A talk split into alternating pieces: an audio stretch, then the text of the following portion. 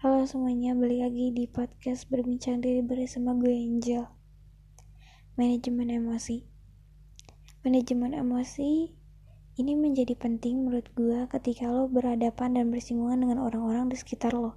Dengan banyaknya orang-orang yang lo hadapi, dengan banyaknya interaksi yang lo hadirkan dalam hari-hari lo Kemungkinan besar lo akan bergesekan dengan emosi-emosi yang bisa saja dipicu oleh orang lain bisa saja tindakan atau perilaku orang lain yang ngebuat lo beremosi tentang emosi yang sebenarnya bisa saja baik, bisa saja netral, dan bisa saja menjadi buruk.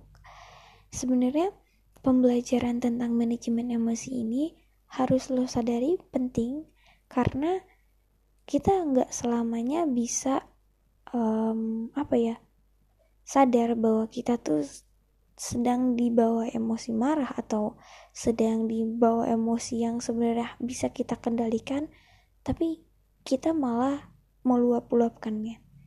Sebenarnya gini konsep dari manajemen emosi adalah paham takaran emosi yang diberikan pada situasi-situasi yang sebenarnya mungkin terjadi di depan mata.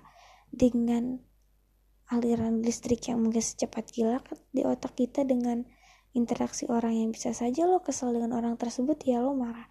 Tapi manajemen emosi di sini lo paham bahwa ada takaran yang diberikan dan kapan kita bisa mengeluarkan emosi tersebut dengan baik.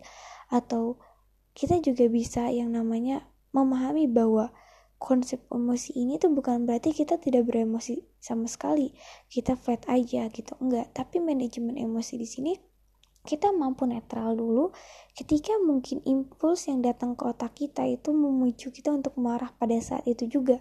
Sedangkan pada saat itu kita dituntut untuk tidak marah. Bagaimana cara kita merespon itu hal itu? Bagaimana cara kita untuk nggak lose control dari hal-hal yang mungkin saja bisa mempermalukan kita mungkin saja bisa membawa dampak buruk ke kita? Yang perlu dipelajari adalah isi hati kita dan isi pikiran kita harus jalan dulu ketika emang dihadapin sama hal-hal yang mungkin saja bisa memicu pertengkaran, mungkin saja bisa memicu perdebatan, mungkin saja bisa memicu amarah, emosi-emosi negatif lainnya, atau bisa saja memicu emosi yang sebenarnya nggak harus keluar gitu. Dan ya lo harus tahu dulu hati dan pikiran lo sejalan ketika dihadapi dengan kejadian yang sangat cepat itu emosi itu cepat. Tanpa kita sadari emosi kita mimik kita langsung bisa kelihatan.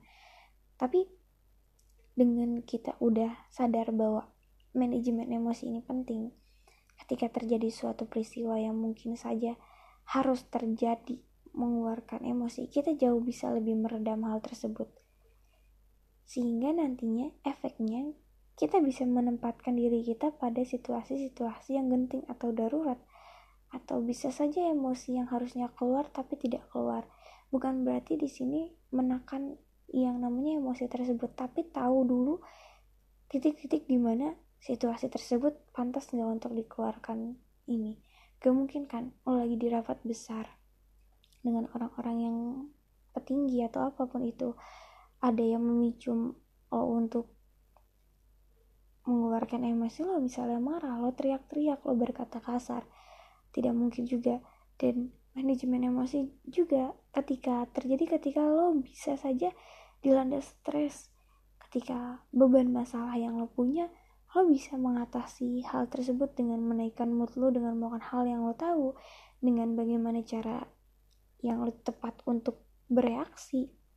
Dan semua ini dikembalikan lagi kepada konsep pengenalan diri lo dengan baik lo tuh kalau marah kayak gimana sih? Lo tuh kalau seneng kayak gimana sih? Lo tuh kalau sedih kayak gimana sih? Mana hal yang mau ditunjukin ke depan banyak orang? Mana yang cukup dikip untuk diri sendiri? Mana yang ditunjukkan kepada orang-orang terdekat?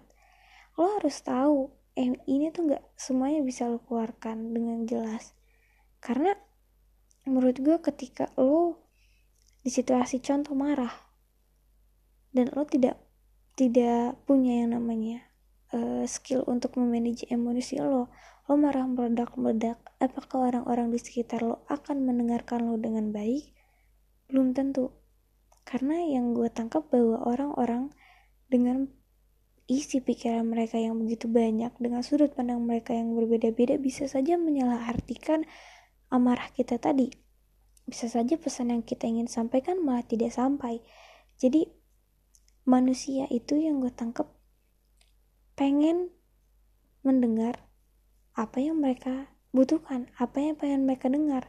Ketika mungkin lo marah lo pengen menyampaikan apa yang lo ingin sampaikan kepada mereka, iya, lo harus sadar juga kata-kata seperti apa yang enak untuk mereka mau mau mendengarkan lo.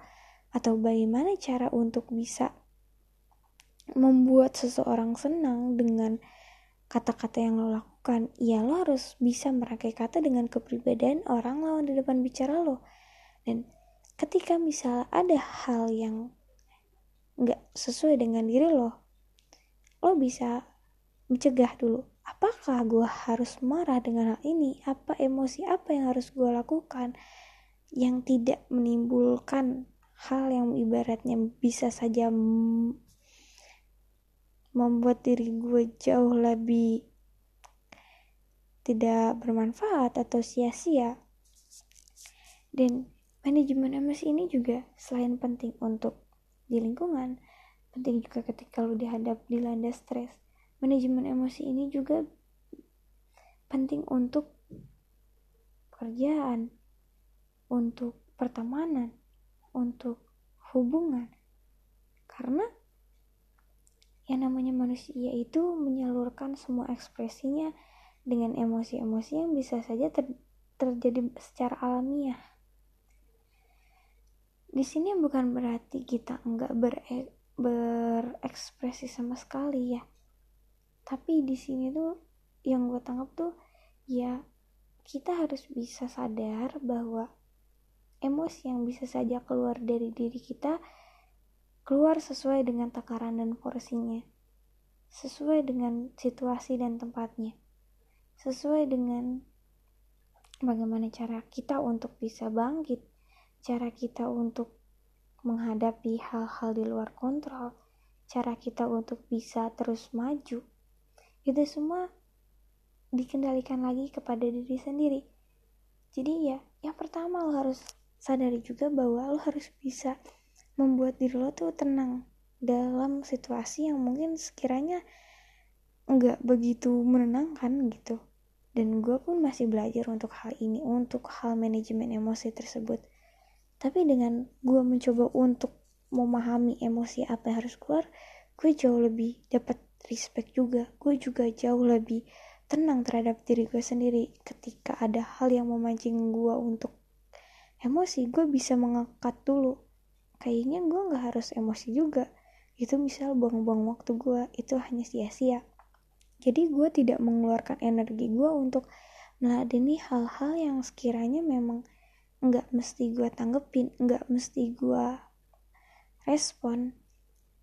Dan ini menjadi skill yang bisa bermanfaat buat lo karena ini juga bisa sebagai salah satu antisipasi lo terhadap hal-hal yang mungkin saja bisa jauh jadi permasalahan ke depannya.